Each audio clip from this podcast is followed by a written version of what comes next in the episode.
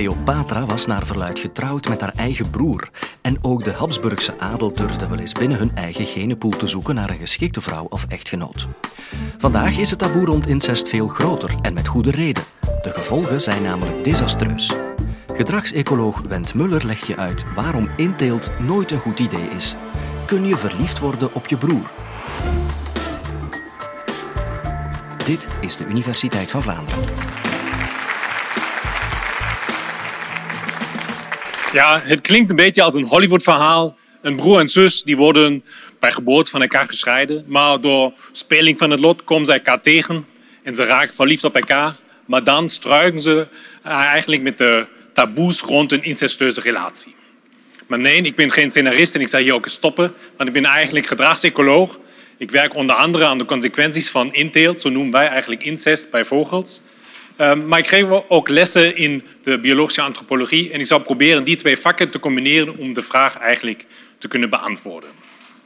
Dus de vraag is, kan je verliefd worden op je broer? Technisch gezien kan dat wel. Maar waarom gebeurt het eigenlijk uiterst zelden? Ja, de meeste van jullie zouden ook zeggen, oké, ik wil dat überhaupt niet. Mijn broer, mijn zus, nee. Want we hebben vaak ook heel conflictrijke gebeurtenissen in onze uh, kindertijd um, die daar misschien tegen inwerken. Maar verbazingwekkend is het niet juist die, zijn het niet juist die conflicten die daar tegen inwerken, dat we niet verliefd raken op ons broer of ons zus, maar het zijn juist die momenten van familiariteit. Als we ons elkaar te goed kennen, dan raken we minder makkelijk uh, verliefd op elkaar. Um, en dat is een beetje de conclusie van Edward Westermark. Dat was een Finse onderzoeker. En hij deed zijn onderzoek op basis van een aantal natuurlijke settings. Want uiteraard, experimenten bij mensen kunnen wij niet doen. We kunnen geen kinderen gebruiken als een proefkonijn om ons vragen te bestuderen. Vroeger was dat wel heel gebruikelijk. Mensen zoals Piaget of Freud of Kellogg, zij gebruikten allemaal hun kinderen voor experimenten. En veel van hun theorieën zijn eigenlijk gebaseerd op experimenten bij hun eigen proefkonijnen in huis. Hedendaags is dat gelukkig voor jullie niet meer mogelijk. En Edward Westermark bijvoorbeeld, hij baseerde zijn conclusies op een setting in Israël, op de kibbutz. Kibbutz zijn een soort communes uh, in Israël waar de kinderen van verschillende families samen opgevoed worden. Uh, en toen bleek eigenlijk dat kinderen, als ze samen in zo'n groepje gezeten hadden, dat ze niet zo makkelijk op elkaar verliefd raakten en ze geen koppels vormden uit, deze twee, uh, uit kinderen die samen in een groep gezeten hadden. Terwijl die niet met elkaar verwant waren. Een vergelijkbare situatie was te vinden in Taiwan, um, waar vaak kinderen of meisjes geadopteerd worden in families die al één zoon hebben. En de bedoeling was om dat meisje eigenlijk op te voeden als potentiële partner of als partner voor hun eerstgeboren zoon. Uh, en dit werd chimpur genoemd. Maar dit waren zo eerder slechte huwelijken, omdat de uitkomst van de huwelijken oft minder goed was. Aan de ene kant waren er meer echtscheidingen en aan de andere kant kwamen ook veel minder kinderen voor in deze families die via een chimpur gesticht waren. Dus in die twee gevallen wordt wel duidelijk dat een romantische relatie met familieleden niet zo makkelijk is, uh, omdat er gewoon vaak een heel nauwe familiariteit ontstaat. En die werkt eigenlijk als een hinderpaal voor relaties. Verliefdheid, dat gaat toch vaak over onbekendheid, etc. Een ander aspect die we hier mee moeten nemen in onze bedenkingen is dat romantische relaties met familieleden een heel groot taboe zijn in onze maatschappij. En dat is eigenlijk heel interessant. Dit is een taboe niet alleen in de Belgische of in de westerse maatschappij. Dat geldt eigenlijk voor alle maatschappijen wereldwijd. En er zijn weinige regels die zo algemeen gelden, zoals het taboe rond uh, relaties aangaan met familieleden. Het mag wel dus wel een beetje verschillen. In sommige landen is het wettelijk duidelijk bepaald wie met wie een relatie aan mag gaan. Soms verschilt het ook welke graad van familiariteit of verwantschapsgraad bepalend of mogelijk is en welke niet. Maar één ding is vrijwel algemeen. Een relatie aangaan met een broer en een zus samen, dat is eigenlijk in alle uh, maatschappijen wereldwijd een heel groot taboe. En dat is eigenlijk ook terecht. Want een relatie tussen een broer en een zus leidt tot incest. En die term alleen die zorgt eigenlijk bij de meeste mensen voor een negatieve associatie. En ja, jullie denken misschien direct aan misgeboortes, aan drie benen, iemand met drie benen, één oog, etc. En deze idee is niet eens zo fout. Want incest of inteelt heeft zware negatieve gevolgen. als we bijvoorbeeld kijken naar situaties waar incestvermijding, die dus in de meeste maatschappijen bestaat, als die buiten kracht gezet is, wat gebeurt dan? Een heel goed voorbeeld is eigenlijk de adel in de middeleeuwen. In de middeleeuwen was het heel gebruikelijk om een relatie aan te gaan of te aan te banen om politieke redenen eigenlijk. Er moest een huwelijk gesticht worden om vrede te stichten of een koninkrijk te vergroten, etc. En daar werd vaak binnen de adel getrouwd. De Habsburgers zijn een heel uitstekend voorbeeld voor, omdat daar in deze familie het heel algemeen was om met familieleden te trouwen. Dat was vooral om de machtsbehoud binnen Europa te handhaven. De consequentie van deze uh, familie, manier van familievergroting was uiteindelijk Karel II. Karel II die was eigenlijk niet alleen gekenmerkt door zijn kin, wat een typisch Habsburgse kin was, maar hij was ook ziekelijk, hij was onvruchtbaar, hij kon geen kinderen krijgen en hij was ook geestelijk gehandicapt. En hij was eigenlijk het resultaat van een reeks van huwelijken binnen de familie, van nauw verwante individuen. Met als consequentie dat zijn ouders eigenlijk genetisch gezien net broer en zus waren. En Karel had dus te kampen met de negatieve gevolgen van inteelt of incest. Maar hoe komen eigenlijk deze effecten tot stand? In een normaal geval erven wij 50% van de allelen van ons vader en 50% van de moeder. En met allelen bedoel ik hier varianten van een gen die coderen voor een bepaalde eigenschap. Blauwe ogen, groene ogen, rode ogen, etc. In normale omstandigheden is er dus variatie afhankelijk van welke allelen iemand overgeërfd heeft van zijn ouders. Heeft hij dus groene, blauwe of rode ogen. Maar door mutatie kan er een probleem ontstaan. Dat kan een alleel defect worden, het kan niet meer werken, fout werken, etc. En dat kan problemen veroorzaken op het moment dat het niet meer gecompenseerd kan worden. Uh, bijvoorbeeld erfelijke doofheid. Dat is een heel zeldzame recessieve aandoening uh, waar iemand op basis van een defect genvariant doof is. En dit is eigenlijk met recessief bedoel ik een ziekte die enkel te uiting komt indien een individu twee defecte allelen krijgt. Dus hoe zit dat eigenlijk in elkaar? Bijvoorbeeld indien ouders heterozygoot zijn, ze dragen dus het alleel voor doofheid, het recessief alleel, dan zijn er verschillende mogelijkheden voor de kinderen. Of een kind kan homozygoot worden voor een gezond alleel, dus het erft de twee gezonde kopieën van het alleel. Het kind is helemaal gezond en het kind kan ook deze erfelijke doofheid niet meer verder doorgeven aan hun kinderen, omdat het alleel niet meer aanwezig is.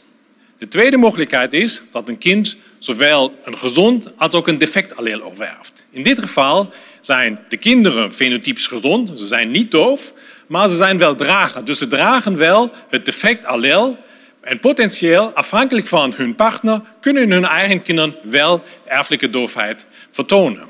In het derde geval, in het ergste geval, erft dus een kind twee allelen die defect zijn. In dit geval is het kind doof en komt die ziekte helemaal ter uiting. De link met de inteelt is nu dat door inteelt de kans dat twee ouders toevallig dezelfde genetische defect dragen veel groter wordt. Betekent eigenlijk dat inteelt ervoor zorgt dat ziektes die aanwezig zijn, die genetisch aanwezig zijn in een familie of in een populatie, opeens blootgelegd worden.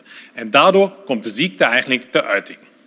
En dit principe van blootlegging door de combinatie van allelen wordt wel vaak gebruikt, um, bijvoorbeeld bij, uh, bij het fokken van dieren. Dus inteelt is aan de ene kant negatief, maar soms maken we er wel gebruik van. Bijvoorbeeld als er mutaties zijn die ervoor zorgen dat een tijger opeens wit wordt. En als dit een mutatie is die gekoppeld is aan één allel, kan een fokker proberen die, die, die, variatie te fixeren door de kinderen te paren met de vader of de moeder. Op die manier kan dus eigenlijk de genetische mutatie gefixeerd worden en opeens ontstaan er witte tijgers.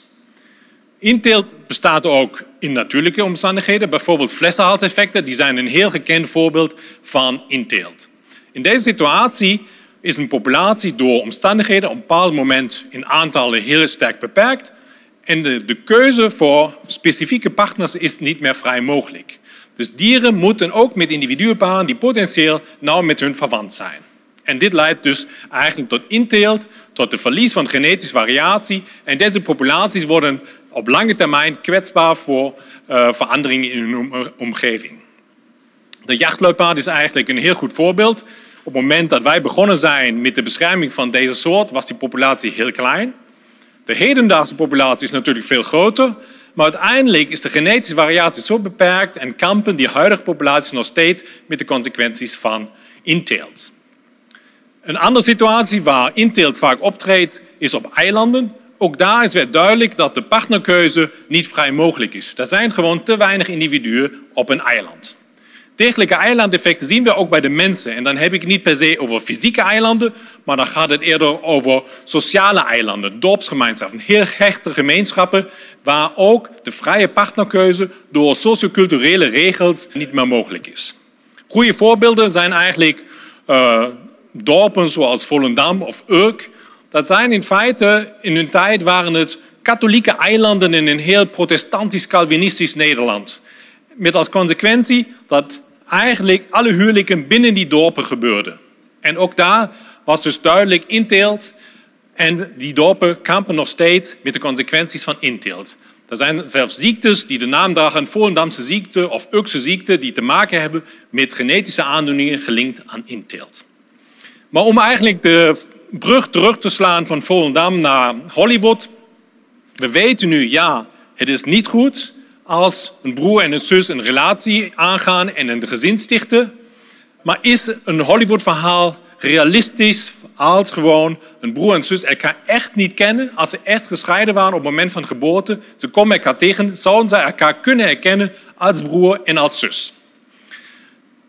Of zijn er misschien mechanismes die ons helpen een familielid direct te herkennen? De antwoord op deze vraag is een beetje ja en nee.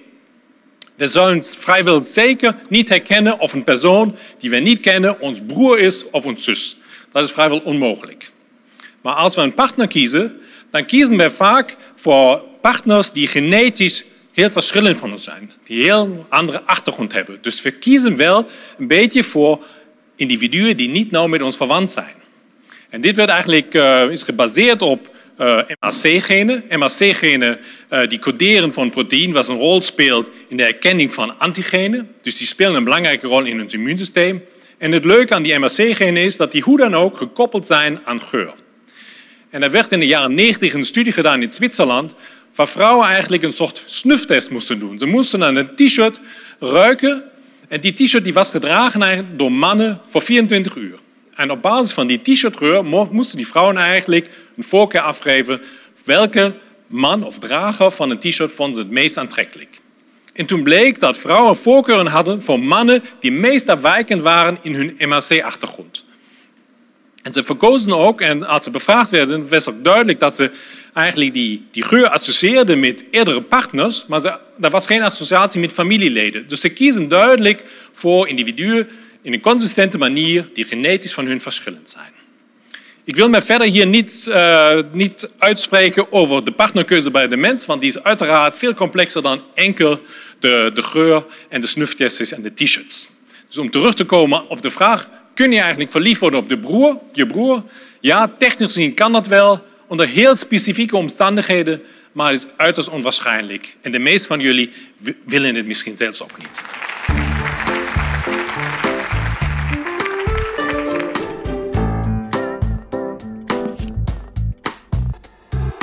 Interessant, nietwaar? Wist je trouwens dat we elke donderdag een nieuwe video en podcast publiceren? Schrijf je in op onze nieuwsbrief en mis nooit meer een nieuw college.